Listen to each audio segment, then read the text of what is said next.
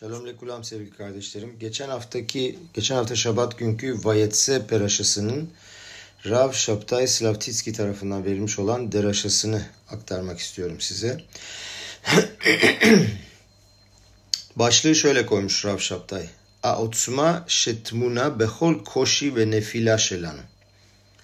Her zorlukta, her geçirdiğimiz zorlukta ve düşüşümüzde yatan güç, onun arkasındaki gizli güç nedir? Her birimizde arada bir düşüşler olur.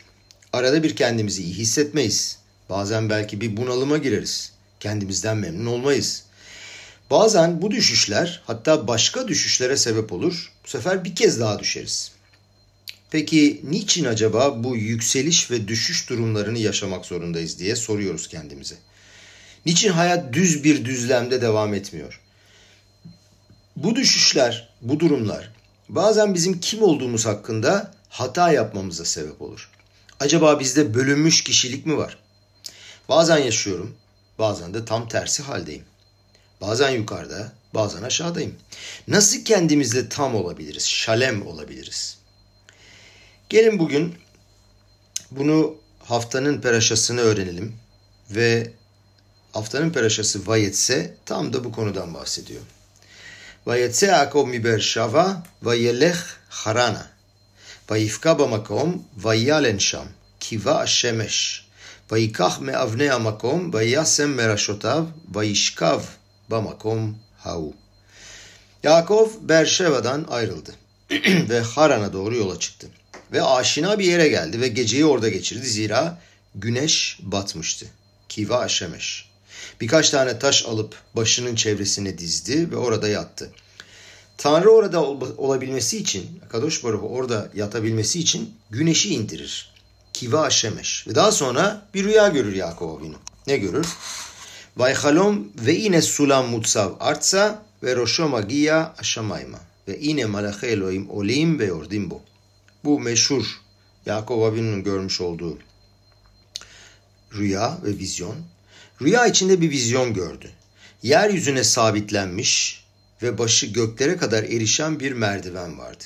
Ve Tanrı'nın melekleri onun üzerinde inip çıkıyorlardı. Kardeşlerim biliyoruz ki Tora'da her şey sonsuzdur. Tora'daki her şey bizim için bir talimattır. Peki bu rüya bizim için ne anlama geliyor? Degel Mahane Efraim adında bir kitap var. Baal Shem Tov'un torunu onun yazmış olduğu bir kitap bu. 1800 yılında doğmuş. Torat Ahasidut'u devam ettirenlerden biriydi. Babası Rabbi Yehiel, annesi ise Baal Şemtov'un kızı Eydel. Dedesi Baal Şemtov o çocukken onun hakkında yazdığı mektubunda İluy Gadol be tahlit alimud yani Tora öğreniminde ve amacında büyük bir dahi diye yazmıştı Degel Mahane Efraim için. Degel Mahane hepimizin çok iyi öğrenmesi gereken fevkalade bir temel öğreti getiriyor. Ve bunu babası, bunu dedesi Baal Şemtov adına getiriyor Efraim, Rabbi Efraim. Ve yine Sulam Mutsav artsa ve Roşoma Giya Aşamayma. E, demiştik ki merdiven e, bir tarafı yeryüzüne sabitlenmiş, öbür tarafı yukarısı ise gökyüzüne doğru erişiyor. Peki nedir acaba bu rüyanın anlamı? Baal Şemtov gelip buzda bize büyük bir kural öğretiyor herkesin hayatında büyüklük ve küçüklük vardır. Yani gadlut ve katnut. Nedir büyüklük? Gadlut nedir yani? Kalbimizin açık olduğu bir durumdayız. Başarıyoruz, anlıyoruz. Hayatın içinde beraber güzel bir akış halindeyiz. Şimdi burada gadlut amohin ve katnut amohin bu hasidutta geçen çok derin e, bir takım kavramlar bunlar. Bunları biraz daha Rabbi David'in e, yardımıyla sağ olsun bir açıklamalar gönderdi bana İbranice. Onu Türkçe'ye çevirdim ve e, burada onları da size izah edeceğim. Aslında bu kadar açıklamadı Rav Şaptay ama konseptin açılabilmesi için ve anlaşılabilmesi için bunu okumakta fayda var diye düşünüyorum. Daha sonra çünkü bu konseptleri deraşe içinde e, defalarca kullanacağız. O yüzden hani gadlut amohin nedir, katnut amohin nedir bunu iyice anlamak lazım ki e, daha anlamlı olabilsin ders. Affedersiniz. Gadlut amohin aşeme olan, Tanrı'ya olan tam bir bağlılık ve teslimiyet. Şöyle diyor, beynin büyüklüğü şu demek. Yani Gadlut Amuhin beynin büyüklüğü gibi e, Türkçesi. Türkçesi çok güzel olmuyor ama böyle. E, Akadosh Baruhu'nun dünyasını lütuf ve merhametle, adaletle yönettiğini, büyük veya küçük hiçbir şeyin Aşem'in gözetimi dışından kendi başına yapılmadığını kendisini aşılamasına denir. Yani biz inanıyoruz ki her şey Akadosh Baruhu'dan geliyor. Yüksek her şey Elohim'dir, Elokim ve her şeydir. Yani Tanrı her şey. Ve bu emuna insanı bütünüyle inşa eder ve ona hiçbir şeyden korkmayacağına dair özgüven aşılar. Çünkü her şey ondan gelir. Bu nedenle böyle bir görüşle kolayca insan parnasasını sağlayabilir. Cesur şeylerden yapmaktan da korkmaz. Haham'ın dediği gibi Likude Muaran'da cesaretin ana şeyi kalp.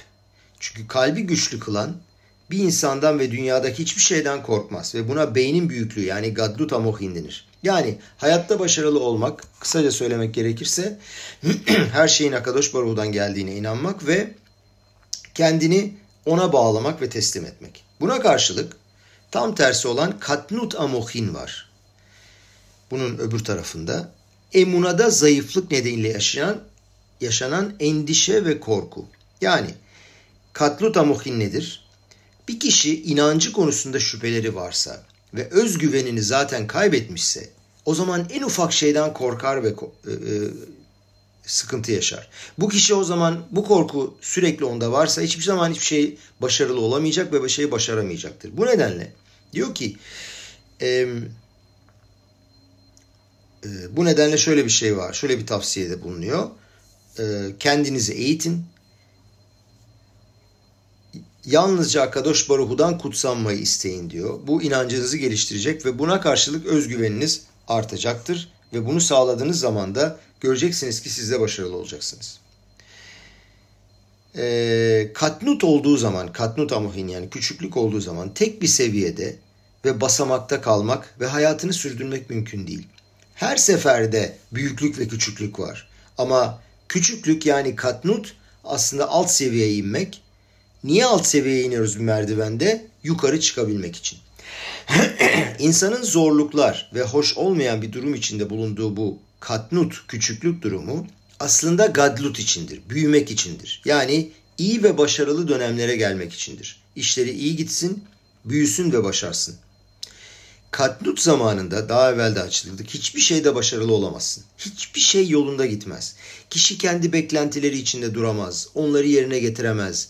Birçok başarısızlıkla kendi imajında erozyon, aşınma ile uğraşmak zorunda kalır ve bazen kendini suçlar. Küçüklük döneminde vicdanı, matspunu, onun varoluş gerçeğini azarlar. Bu sefer ona kendi kendine insan işkence etmeye başlar. İnsan bazen kendisini düşüren, aşağı indiren krizler geçirir, travmalar yaşar, negatif düşünceler içinde bulunur. Bazen kıskançlık ve ihtiras duyar. Fakat bilmek lazım ki kardeşlerim bu küçüklük, bu kalp aptallığı esasında büyüklüğe yani gadluta ulaşmak içindir. Baal Shem Tov şöyle diyor. Katnut amohin doğal bir durumdur diyor. Yani aslında tek bir durumda bir seviyede kalan hiç kimse yok. Yani ya yukarıda ya aşağıda kalan hiç kimse yok. Adam mealeh yani hareket eden olarak adlandırılır. Dolayısıyla muhakkak surette adamın küçüklük durumuna düşmesi gerekir. Fakat tabii ki herkesin bu katnut küçüklük durumu bulunduğu duruma bağlıdır. Sadik kendi durumunda, diğer adam başka durumda. Bu herkesin gadlut amohin durumuna göreceli olarak, relatif olarak değişecektir. Peki burada olay nedir? Yükselmek amacıyla aşağı inmek. Bütün bu inişlerin Tanrı'nın bizi bu durumlara sokmasının amacı daha yüksek seviyeye gelebilmektir. Yeridat soreh aliya. Bunun yorumu insanlardan düşün, insanların düşündüğü gibi hani inişe rağmen düşüyorsun ama yükselebilirsin değil. Hani ne deriz? Kişeva yipol sadik ve kam. Sadik yedi kere düşer ve kalkar. Baal Shem Tov'a göre sadikin büyüklüğü düştüğünde de kalkması değildir. Her zaman iniş gerekir. Çünkü sadece inişler yükselişe sebep olur. Ne zaman bir yükseliş görsek muhakkak onun arkasında bir iniş saklıdır. Çünkü sadik her zaman büyür. Baal Atanya'nın Sefer Atanya adında bir kitap olduğunu, kitabı olduğunu hepimiz biliyoruz. Orada Şar Emuna'ya yazılmış olan bir giriş vardır. Bunun adı da Hinuh Katan'dır. Bu Hinuh Katan'da yazılı olduğuna göre Sadik'in düşüşü onun yükselişine sebep olur. Yakov Avinu babasının evinden kaçmak zorunda kalmıştı. Anne ve babasını terk etmek zorunda kalmıştı çünkü abisi onu öldürmek istiyordu.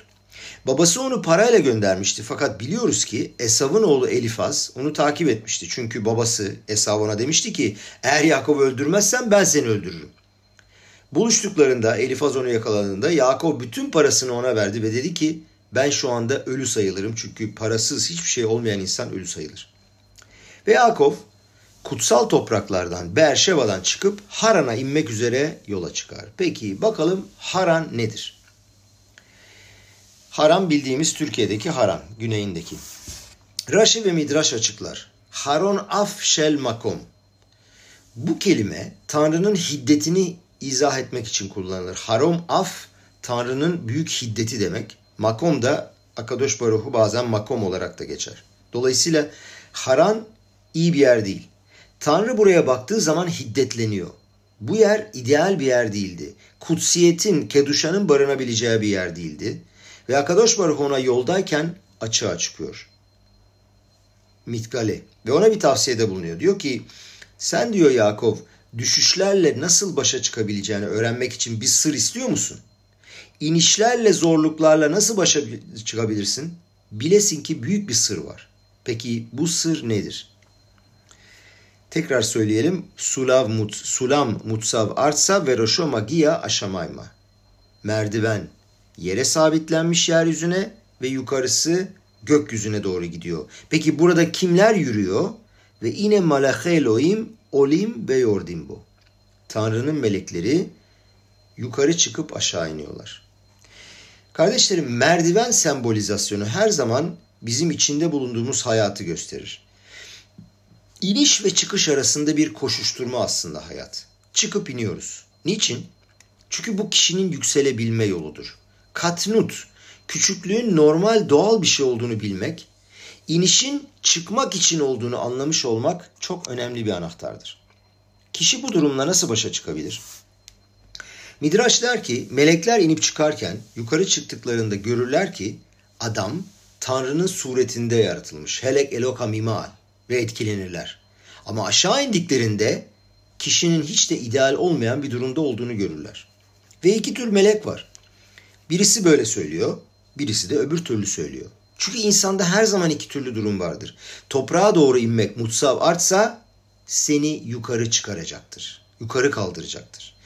Kişi kalbine ve farkındalığına katnutta yani düşerken de Tanrı'nın var olduğunu izah edebilirse o küçüklük durumuna düştüğü zaman bile dua eder. Yani indiği zaman bile dua eder. O iniş sürecinde de Tanrı ile olan birlikteliği, beraberliği arar. Bu söylediğim kolay bir şey değil. İnsan çünkü inerken morali bozulur, sıkıntı olur, depresyona girer. Ama o iniş esnasında da buradaki trik, buradaki sır iniş esnasında da Tanrı ile olan birlikteliği, beraberliği aramak. Çünkü farkında olmamız lazım ki indiğimiz vakit aslında çıkmak için iniyoruz. Baal Shem der ki yazılı olan birkaç tem mişam etaşem elokeha oradan Tanrınızı isteyeceksiniz sözündeki o Şam orası neresi biliyor musunuz o Şam? Klipaların olduğu yer. Yani kötülüklerin olduğu yer. inişin olduğu yer. Katnu damuhin. Fakat özellikle oradan uzaklaştığın, o krizde olduğun yerden tefile yaparsın ve Akadosh Baruhu ile olmak için bir susamışlık ve istek duyarsın. İşte orada çok büyük bir güç vardır. Ve bu sana Gadlut Amohine doğru, büyü, büyümeye doğru yani şare aşamayim, göklerin kapısını açar. Ubikaştem mişamet aşem elokeha ve matsata. Oradan Aşem Tanrınızı istediniz ve buldunuz. Tam da orada buldunuz. Ne kadar güzel olduğuna bir bakın. Yakob uykusundan uyanır. Vayikats Yakov mişnato vayomer achen yeş Aşem bamakomaze ve anohi lo yad'ati.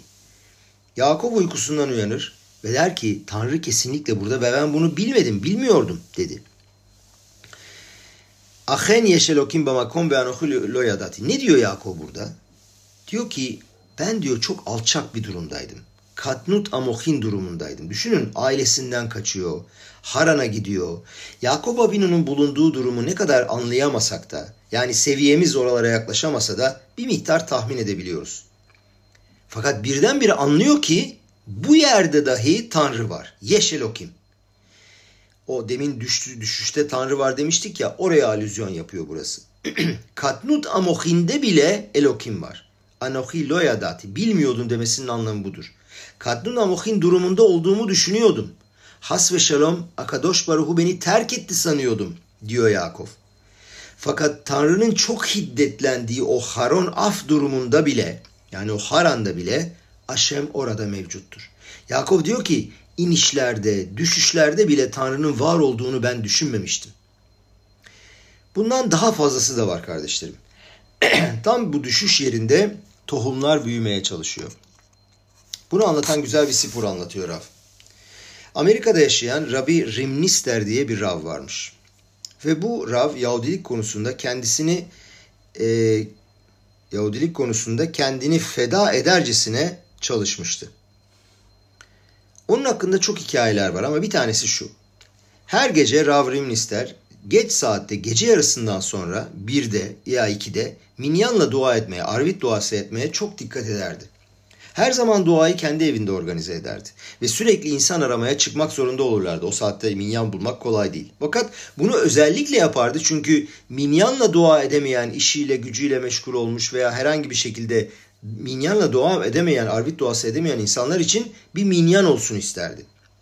Yine böyle bir keresinde sinagoga gelir ve onun hasitleri, birlikte olduğu kişiler minyan toplarlar ve bakarlar ki sadece 9 kişi bulabildiler. 10. yok. Arıyorlar, soruyorlar, insanlara soruyorlar filan. Yolda biri geçer. Derler ki minyan için 10.yu arıyoruz. Dua ettin mi diye sorarlar. Hayır etmedim der adam. Ve gelmeyi kabul eder. Fakat doğrusu aslında dua etmişti. Fakat alakaya göre sadece dua etmeyen 9 kişi varsa 10. dua etmiş olsa bile minyanı tamamlayabilir. Sorun değil. Peki adam içeri girer. Ve Rabbim ister şaliyah sibur olmak üzere hazanlık yapacağı yere doğru Teva'ya doğru gider. Tam duaya başlar. Arvit duasının başında bilirsiniz ve urahum okunur. Durur birden geriye döner ve sorar. Aranızda dua etmiş olan birisi var mı? Wow! İşte ruah akodeş bu. Adam buldu. Ve o adam, 10. bulduğu adam artık yalan söylemeye cesaret edemez. Diğerlerine söylemiş ama bu kez doğruyu söyler ve evet der ben dua ettim. Rebbe der ki kusura bakmayın ama dua etmeyen başka bir kişi bulmanızı rica ediyorum ve duaya ancak öyle başlayacağız. Ve daha sonra dua biter. Yahudi Rabbim Nister'e gider ve ona der ki Rebbe der ne yaptığını, neye sebep olduğunu bilmiyorsun. Bak der ben genelde dua ederim ama bir zamanlar büyük bir coşkuyla dua ederdim. Ama şimdilerde böyle bir katnut amohin yani iniş düşüş durumundayım. İyice konsantre olmadan ve büyük anlamlar hani blik kavanat gdolot olmadan öylesine dua ediyorum. Kafam başka yerde. Dua ediyorum ama hiçbir duygu yok. Coşku olmadan öylesine dua ediyorum. hep düşünürdüm. Acaba Akadosh Baruhu benim duamı dinliyor mu? Kabul ediyor mu? Bu şekilde tamamen kuru bir dua, katnuta mohin durumunda olan bir duayı Tanrı duyar mı? Ve şimdi düşünüyorum da Ribono Şelolam, sen benim dua ettiğimi nereden gördün? Ve bunu düşünürken birdenbire anladım ki sen bunu gökyüzünden gördün. Sen benim dua edip etmediğimi görmedin. Benim duamı gökyüzünden işittin. Ve bu bana muazzam bir güç verdi Rabbi. Ve anladım ki bu katnut halinde bile Akadosh Baruhu benimle. Leodia livne adam gvurotav. İnsanoğluna kuvvetlerini bildirebilmek. Tanrı diyor ki sevgili oğlum diyor ben senin içindeki gücü açığa çıkarmak istiyorum. Sen katnuta mohin durumunda o düşmüş durumda bile Tanrı'ya bağlısın. Ve özellikle bu durumda bir duygun, cesaretin, coşkun ve isteğin olmadığı zaman bile işte burada tanrısallığını daha da çok açığa çıkarıyorsun. Ve yine Aşem Nitsavalav diye bir pasuk var bu haftaki peraşada. Nedir o? Birden Tanrı Yakov'un üzerinde belirdi. İşte o belirdi dedikleri budur. Tanrı ona hemen sözler veriyor. Ne diyor? Ufaratsta yamma bakedma vatsafona vanegba. Batıya, doğuya, kuzeye ve güneye yayılacaksın. Özellikle de kişinin o katnut amohini küçüklüğü patladığı zaman, krizde olduğu zaman, maneviyatı ve ruhani durumu iyi olmadığı zaman Tanrı der ki tam da orada kendi ufaratsanı yakacaksın, aydınlatacaksın. Orada yeşerip büyüyeceksin, gelişeceksin. Eğer inişler ve çıkışlar olmazsa biz olmamız gereken yere ve amacımıza ulaşamayız der Baal. Kardeşlerim hepimizde bu küçüklük var. En büyük insanlarda dahi. Fakat Tanrı her birimize şöyle diyor. İne anochi imcha uşmartiha bekol aşer telech. İşte ben sizinleyim. Tanrı'nın Yakob'a söylediği o sıcak sözler. Ben yanındayım gideceğin yerde ve seni koruyacağım. Ve aşivota el adama azot seni bu ülkeye geri getireceğim. Seni o en yüksek yerlere tekrar çıkaracağım çünkü kilo ezavha seni hiçbir zaman terk etmeyeceğim. Dolayısıyla kardeşlerim Yakov demek biz demek. Dolayısıyla bir düşüş yaşadığımız zaman bizim için ne anlama geliyor? Bize ne öğretiyor? Herhangi bir yerde dengemizi kaybettiğimiz zaman, rahat olduğumuz konfor bölgemizden çıktığımız vakit hani bir şeyler istediğimiz gibi gitmiyor veya beklediğimiz gibi olmuyor. İçimizde bir galut, bir sürgün durumu var. Gerçekten ait olduğumuz yerimizi, duygularımızı, maneviyetimizi kaybediyor, kaybediyoruz. İşte tam da oradan büyümeye başlarsın. Tam da o noktadan devam edersin ve oradan itibaren büyümeye başlarsın. Tanrı korusun birçok kişi tanıyorum diyor Rav. Bugünlerde yasta olanları teselli etmeye gidiyorlar. Biliyoruz son zamanlarda maalesef çok revaya oldu e, ülkemizde ve herkes bu e, ölüleri olanları ve hasta olanları teselli etmeye gidiyor ama kim biliyor acaba bu insanları teselli etmeyi? Özellikle de başından böyle şeylerin geçmiş olduğu birkaç kişiyle konuştum diyor Rav. Özellikle de yasta olmanın nasıl bir şey olduğunu hisseden kişilerle. Şöyle diyorlar. Özellikle bu olayın içinden çıkıp buradan büyüyerek çıkmışlar. Biliyorlar ki oğlu veya kızı Has ve Şalom gökyüzünde. Onlar yeryüzünde kalanların o gökyüzünde olan ruhlar, yeryüzünde kalanların yaşamaya devam etmeklerini istiyorlar. Bu onlara verdikleri mesaj. Ve ne yapıyorlar bu kişiler, burada kalanlar, yeryüzünde kalanlar? Sedaka toplamak için organizasyon yapıyorlar. Birçok iyi mitzva ve şey gerçekleştiriyorlar. Ve bu sayede o vefat eden çocuğun hala kendi içinde olduğunu hissediyor. Özellikle hayatında bir depresyon geçirmiş olan bir kimse bu durumu değerlendirebilir, anlar ve bundan büyüyüp gelişebilir. Dolayısıyla böyle bir düşüşün olduğu her seferde kendi kendimizin önünde durup şöyle şu soruyu sormamız lazım. Acaba bu düşüş ve iniş bizim yükselmemiz için bir fırsat mıdır? Bu düşüş ve iniş yani katnuta mohin durumu bize içimizi kazıyıp yeni şeyler, yeni kuvvetler ortaya çıkarabilmek için müthiş bir güç verebiliyor mu? Acaba bu içimizde henüz ortaya çıkarmadığımız yeni bir şeyler olduğunun sinyalleri değil mi? Senin içinde diyor Rav, henüz ortaya çıkarmadığın öyle bir su kaynağı, öyle bir pınar var ki hani bazen su bitmiş gibi görünüyor ama sen o suyu çıkarabilmek için biraz daha kazıman lazım. İşte eğer bunu yapabilirsen birdenbire senin içinde ne kadar müthiş bir hazine olduğunu göreceksin. Özellikle de bu durumda sende olan o büyük acı başka bir yere, daha yüksek bir yere bağlı olduğunu ispat ediyor. Bazen insanlar belli durumlarda Tanrı'ya bağlı olmadıklarını hissederler. Hani yaptığımız dua dua yapıyoruz ama dua değil. Uyguladığımız mitzvalar mitzva değil. Tanrı'yı çalışırken, avodat Hashem yaparken katnut amohin hissederler. Özellikle kendini bu iyi hissetmeme durumun senin bağlı olduğunu özellikle de ispat eder. Çünkü eğer bağlı olmasaydın umurunda olmazdı. O zaman üzülmezdin, canın acımazdı.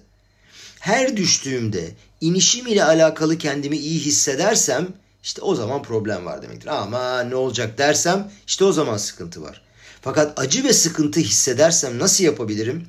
Nasıl davranmam gerekir? Vicdanıma nasıl karşı gelebilirim gibi sorular sorarsan işte o zaman bu senin bağlı olduğunu ispat eder. Senin duyduğun acının simgesi budur. Sadece ışığın ne olduğunu bilen adam karanlığın ne olduğunu hissedebilir. Sadece görmeyi bilen adam Tanrı korusun birdenbire görmediğini hissedebilir. Bir keresinde çok güzel bir açıklama duydum. Şimdi biz ne diyoruz burada? Yeryüzüne sabitlenmiş bir merdiven rüyasını gördüğünü söylüyoruz değil mi? Mutsav, mutsav artsa diyoruz. Peki Ee,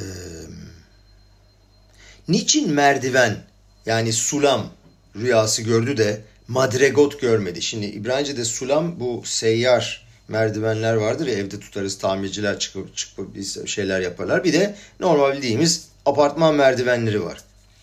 Sulam o seyyar merdiven, madregot ise basamaklı olan merdiven. Peki ne fark var arasında? Hem sulam hem de madregotta dikkat edin yani hem merdivende hem de basamaklardan yukarı çık e, yukarı çıkarken evet yukarı çıkarken her ikisinde aynı şeydir. Yukarı çıkarken yukarı bakarsın. Fakat inerken Madregotta aşağı doğru bakarsın. Merdivenden, yani apartman merdiveninden aşağı bakarsın.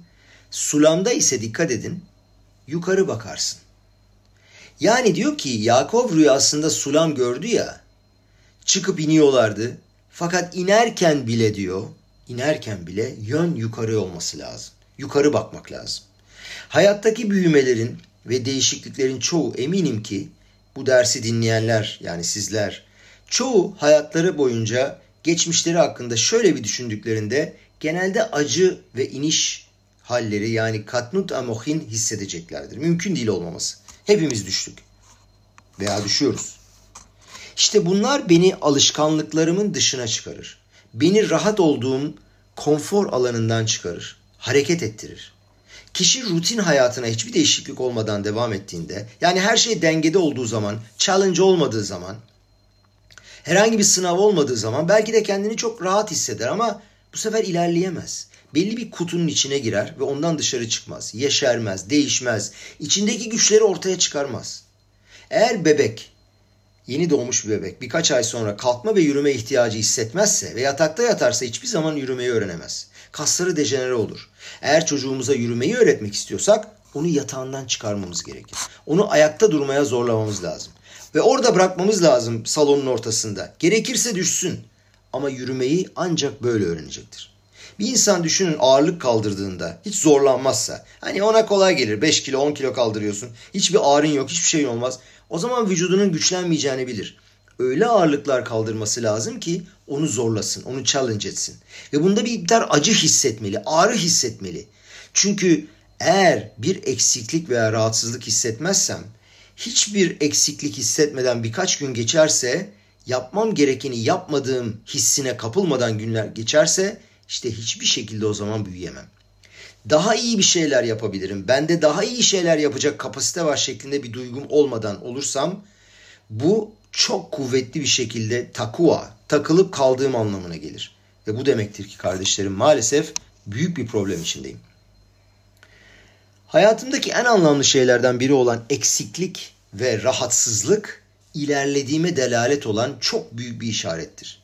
Benim bir sonraki istasyonum olduğunu ifade eder. Bir takım meydan okumaları, challenge'ları aradığımı gösterir. Sınavlar ve zorluklar beni ileriye doğru iter. Düşünün bir su hortumu alayım. Bu su hortumundaki suyu fışkırtmak için ne yaparım? Bastırırım ona. İşte ancak bastırdığım anda su fışkırır. Biz İsrail halkına baktığımızda Yahudi halkının ne kadar büyük acılar, meydan okumalar, eziyetler ve zulümler geçirdiğini biliriz. Yahudi, Yahudi halkı dünyadaki en nefret edilen halktır. Bunu bugünlerde çok görüyoruz. Bütün dünyada.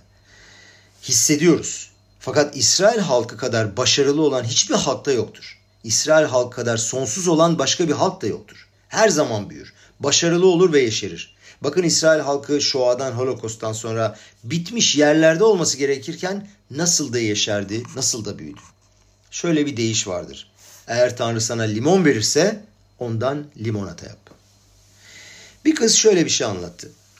Büyük baba sonra demiş ki eğer yoldan geçerken bir su birikintisi görürsen ya pislik görebilirsin, onu engel olarak görebilir ve yana çekilebilirsin veya su birikintisinin içine bakıp gökyüzünü görebilirsin. Güzel bir sipur var bunu anlatan. Birkaç sene evvel enteresan bir hikaye anlattı. Yitzhak Perlman adını hatırlıyorum. Şimdi bu hikaye buradaki konuyla çok relevant olduğu için bunu da e, anlattı. Relevanti bence de çok güzel İngilizce laflar koyuyor. Manipülasya, situasya. Bu da böyle bir şey. Relevanti. Ee, Yitzhak Perlman dünyadaki en önemli kemancılarından biri 5 yaşındayken felç geçirir. Hayat boyunca tekerlekli iskemleye mahkum olur ve genel olarak yatakta yatmak, bütün dünyaya kızmak, depresyona girmek için dünyadaki bütün sebeplere sahipti. Fakat o böyle yapmadı. O bir savaşçıydı. Keman çalmayı öğrendi ve 17 yaşında gençler arasında bir yarışmada ilk ödülünü aldı ve Amerika'ya gitti. Çok çok büyük kalabalıklara gösteriler yaptı ve her bilet çok pahalıydı. 3 milyon dolar değerinde bir İtalyan kemanla konserlerini verir. Bir keresinde Yitzhak Perlman keman çalıyor. Ayağa kalkamadığı için tabii tekerlekli iskemlede çalıyor. Kemanını çıkarır ve çalmaya başlar. Ve birdenbire kemanda olan dört telden bir tanesi kopar. Bakın bir telin kopması az bir şey değil yüzde 25. Yani tüm konseri bu şekilde sürdürmek normal şartlarda mümkün değil. Birden sessizlik olur. Başka bir keman aramaya başladılar. Ve Yitzhak Perlman bir dakika sonra ayılır, kendine gelir ve orkestra şefine devam işareti verir. Orkestra şefi işaret yapar. Nasıl olur der filan. Devam et der. Ve üç telin üstünde çalmaya başlar. Başlangıçta ses çok iyi gelmez. O bildiğimiz virtüöz Yitzhak Perlman değil fakat o savaşçı olduğu için devam eder ve belli bir süre sonra üç telle nasıl yapacağını bulur ve üç tel üzerinde çalır. Çalar. Tüm seyirciler hayretler içerisindeydi. Tüm herkes ayağa kalktı ve çılgınca alkışladılar. İnsanlar sadece müziği ve çalma olayını değerlendirmediler. Onun içindeki savaşçıyı alkışladılar. Onun durumundaki engelli bir adam, başarısız olma ihtimali çok yüksek olmasına rağmen çalmaya devam eder ve hakikaten de başlangıçta yanlış çalar, başarısız olur, düşüş olur. Fakat o bu düşüşte daha da yükselebilme şansını bulur. Bu düşüşte kendi içindeki çok daha üstün güçleri ortaya çıkarıp üç tane telde bile çalabilme yeteneğini bulur ve başarır. Ve bütün seyirciler sakinleşip yerlerine oturduktan sonra Yitzhak Perlman öyle bir cümle söyledi ki her birimizin ama her birimizin bu cümleyi ruhumuzun içine kazımamız lazım. Adam tsarih le iştameş be maşya kadosh baruhu natanlo. Adam Tanrı'nın ona verdiği şeyleri kullanması gerekir. Ne verdiyse onu kullanacağız. Tanrı sana bunu verdi ve niçin bende bu araç veya niçin şu araç eksik diye sorsam bile özellikle o aracın eksikliği hani katnut amohin o düşüş seni yukarı kaldıracak. Başka hiç kimsenin hayatta yapmadığı bir şeyi sen ortaya çıkaracaksın. Çünkü bununla baş edebilmek için birkaç tane yol var. Peki insan hoş olmayan durumlara düştüğünde nasıl davranır? Bunu da bir hikayeyle anlatacağız. Bir kız babasına gider ve der ki baba der ya durum hiç iyi değil. Çok baskı altındayım, depresyondayım, evde de bir trajedi yaşadım. Ne yapacağım bilmiyorum der. Baba der ki gel seni mutfağa götüreyim. Üç tane maşrapa sıcak su doldurur. Bir tanesine havuç koyar. Bir tanesine yumurta koyar. Bir tanesine de kahve tanecikleri döker. İçeri giderler. Belli bir süre sonra geri gelirler. Ve her şeyi tekrar ortaya çıkarırlar. Bir bakarlar havuç tamamen yumuşamış. Yumurta sert kalmış. Kabuğunu çıkarır. Ha, içinde kahve tanecikleri olan su ise çok güzel bir koku yaymıştı. yani der ki baba meydan okumalarla başa çıkmanın üç tane yolu vardır. Çok ısındığın zaman, su kaynadığında bazen yanarsın. Öyle bir durum olur ki bu seni kırar, yakar ve tamamen perişan eder. Bazı durumlarda ise sert kalırsın. Biliyoruz ki başlarından trajedi geçen insanlar ya tamamen yıkılırlar ya da bu sefer semsert, inatçı bir şekilde kalırlar. Herkese saldırırlar, herkesin üstüne gelirler, herkesi ezer geçerler. Bazı durumlarda vardır ki su o kahvede olduğu gibi fevkalade bir şeye dönüşür. Sen ne olmak istediğine karar ver der kızına. Kapıma kadar gelen problemler olduğu zaman nasıl tepki veririm? Stres anlarında nasıl tepki veririm? Mesela işten çıkarılmalar olabilir. Leşoz ayrılmalar olabilir. Yakın kişilerin ölümleri olabilir. Her birimiz kendi çuvalıyla, her birimiz kendi paketiyle. Peki nasıl başa çıkarız? Bu durumda Akadosh Baruhu Yakov Avinu'ya diyor ki aşağı inen o melekler senin yukarı çıkmanı sağlarlar. O düştüğün ve aşağı indiğin durumlar sendeki büyüklüğü ortaya çıkarırlar. Gelin aynı peraşanın devamını görelim. Rebbe'nin fevkalade bir açıklaması var. Karşımıza çıkan zorluklarla nasıl mücadele edebiliriz? Midraş gelir der ki Vayetse Yaakov mi Beersheba vayelech le Harana. Burası çok enteresan. Bunu hiç duymamıştım. Çok ilginç bir hiduş var burada. Midraş sorar. Beersheba nedir? Bera shel shvua.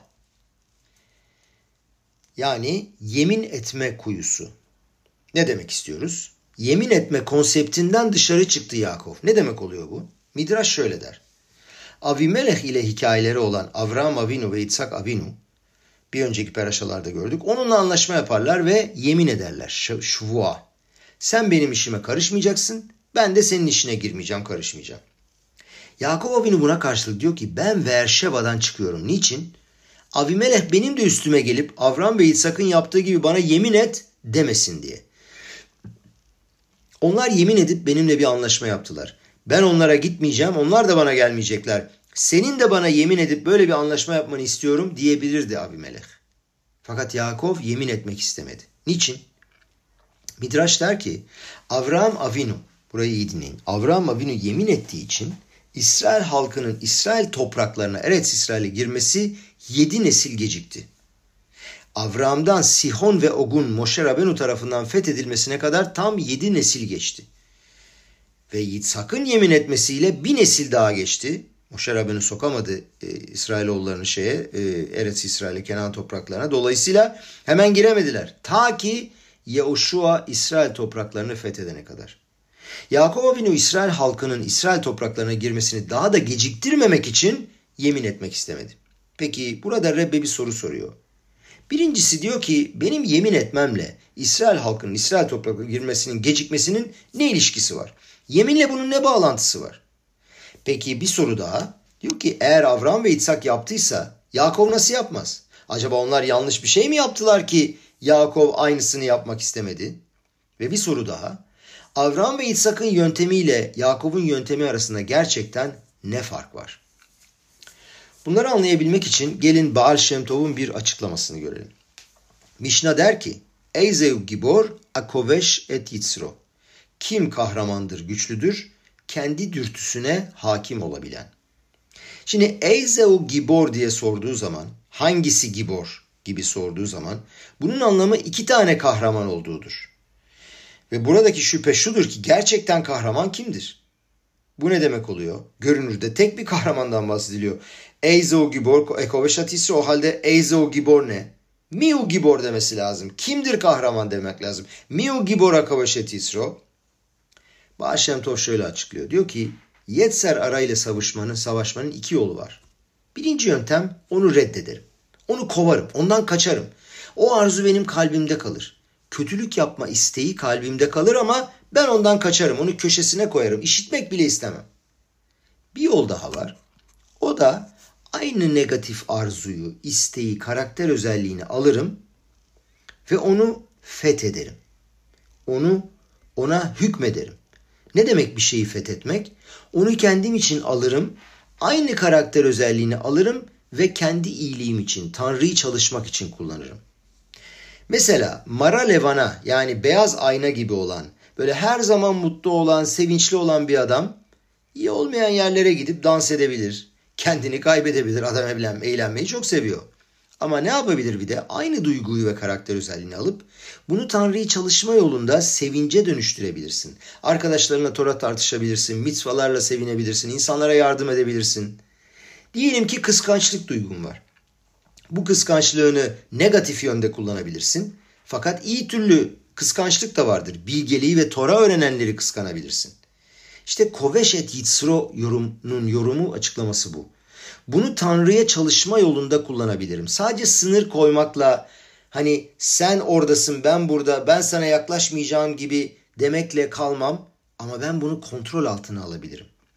Ve beni günah işleme yolunda baştan çıkarmaya geldiğinde bu Yetzirar'a ona bir yer verirsem ve yan tarafa başka bir yere koyarsam orada duruyor. Bazen üstüme gelebilir. Çünkü bende bir yerde duruyor herhangi bir zayıflık anında hemen üstüne gelip başarılı olabilir.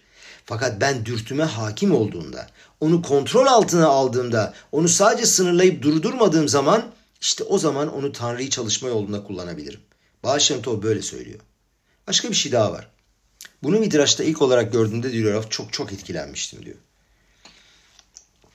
Biliyoruz ki Esav iş Said yani Esav avcıydı.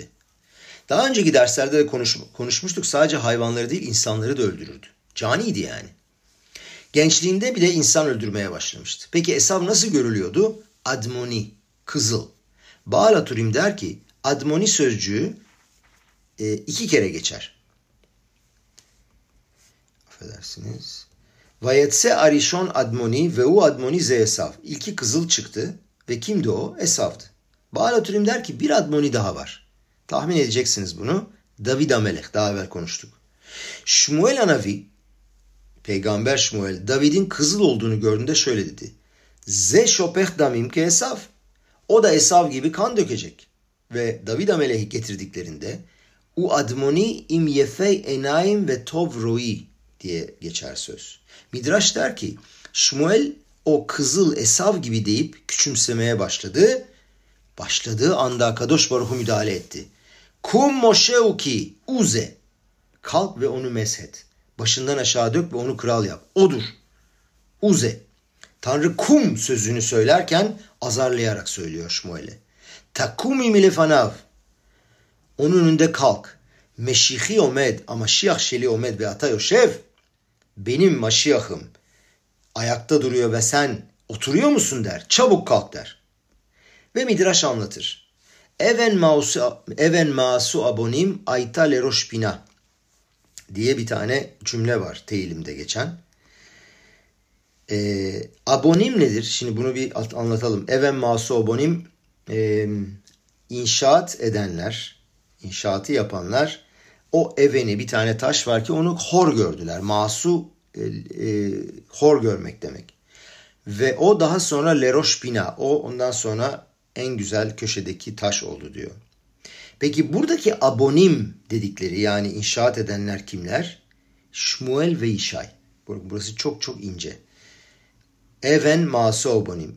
Şmuel ve İşay. Peki aynı David Amelech de masu abonim olmuştu. Yani e, Şmuel ve İşay'ı e, inşa edenleri hor gören David Amelech gibi geçiyor. Bir daha tekrarlıyorum. Abonim inşa edenler Şmuel ve İşav, e, Şmuel ve İşay. Maso abonimde David Amelech. Peki e, David Amelech onları hor görüyor da ne demek yani? Onda bir gvura böyle bir din sert karakter özelliği de mi vardı? O da Esav gibi Admoni miydi? Evet diyor Rav. Evet Admoni'ydi. Sanki kan döken biri gibiydi. Doğru. Bu yüzden Şmuel David Amelech'in Admoni olduğunu görünce o da Esav gibi kan dökecek deyip korktu. Tanrı ona dedi ki ama dedi im yefey enayim. Güzel gözlerle. Ne demek yefey enayim? Esav midat atsma orek. Esav kendi kararına ve aklına göre kafasına göre adam öldürürdü. Fakat David midat sanedrin orek. David Sanedrin'in kararına göre öldürürdü. David'in büyüklüğü şuydu. Onda admoni karakter özelliği evet vardı. Kan dökme özelliği vardı ama onu ne yaptı? Aldı Keduşa'ya yönlendirdi. Ve öyle bir yönlendirdi ki savaşmak gerektiği yerde, e, öldürmek gerektiği yerde o orada olurdu. Fakat bunu Tora'ya göre, Sanedrin'in kararlarına göre yapardı. Sadece kendi arzusuna göre değil. Dolayısıyla o ne yaptı? Bu karakter özelliğini kullanabildi. Midraş diyor ki Avram ve İtsak Avimelech'e yemin ettiler. Fakat Yakov yemin etmedi. Neden? Çünkü şvua yemin edip anlaşma yapıldığında her iki taraf birbirinin işine karışmıyorlar. Birbirlerini rahatsız etmiyorlar. Avram ve İtsak Avimelech ile anlaşma yaptılar. De, ne dediler? Sen bize karşı gelmeyeceksin. Tanrı'yı çalışmamıza izin vereceksin. Ne istiyorsak yapmamıza karışmayacaksın. Sen bizim sınırımıza gelme. Fakat bu Avimelech de herhangi bir değişikliğe sebep olmadı. O aynı Avimelech olarak kaldı. Hani Yetserara gibi. Onu Keduş'a gerçekliğine getirmediler. Onu sadece sınırlandırdılar. Onların işine karışmasın, onların alanına girmesin diye. Fakat Yakov abinin işi sadece durdurmak ve sınırlamak değildi. O klipayı, kötüyü Keduşa'ya dönüştürmek, onu aydınlatmak istedi. Sadece onlarla anlaşma yapıp onları kendi gerçeklikleriyle baş başa bırakmak değil. Dolayısıyla Yakov Harana, Haron Af o kötü yere gittiğinde yemin etmek istemedi. O yeri kutsiyete, keduşaya dönüştürmek istedi ve gerçekten de bunu yaptı. Haran'da o yalancıların, lavanın ve aldatanların, ramayimlerin bulunduğu yerde tam bir aile kurdu. Kabileleri kurdu. 12 tane çocuk e, oğlan çıkardı ve İsrail halkını inşa etti. Fakat kardeşlerim bu bir düzendir. Hiçbir şey çat diye olmaz. Avram ve İtsak olayları açığa çıkarmanın ilk çalışmasına başladılar. Bu çalışmaya başladığında ilk olarak onlara onları sınırlar tanımlamayı bilmen lazım. Önce sınırları tanımlayacaksın. Onları bir anda negatiften pozitife dönüştüremezsin. Karanlığı aydınlığa döndüremezsin. İlk aşama kötüden kopmaktır, ayrılmaktır. Kötü karakter özelliklerinden kopmak, ayrılmak ki onlar bizim üstümüze gelemesin. Bizim dünyamıza giremesinler. Yakov ise ikinci aşamayı yaptı. Yakov hangi adımı attı? Ezeu gibor akoveş et yitzro. Yani kendi dürtülerine hakim olabilen. Haran'daki gerçekliği aldı ve onu Keduşa'ya dönüştürdü. Yeratson kardeşlerim, Maşiyah'ın gelişine nail olalım. Birinci isteğimiz bütün hatufim, bütün hatufların, bütün rehinelerin, hostacıların barış içinde geri dönmesi. Tüm yaralıların iyileşmesi ve sağlıklı olması. Ve Akadosh Baruhu tüm İsrail halkına ışık, bereket ve şifa versin. Ve Maşiyah'ın gelişiyle o kirlilik, mekruh rüzgarı İsrail topraklarını terk etsin ve orada kötü bile açığa çıksın, iyiye dönüşsün. Leit barer olsun. Ve söylendiği gibi leatit hazir leit aer. Gelecekte domuz saflaşacak diye bir laf var. Ve bütün bunları kendi gözlerimizle görmek nasip olsun. Amen ve hen yaratsun.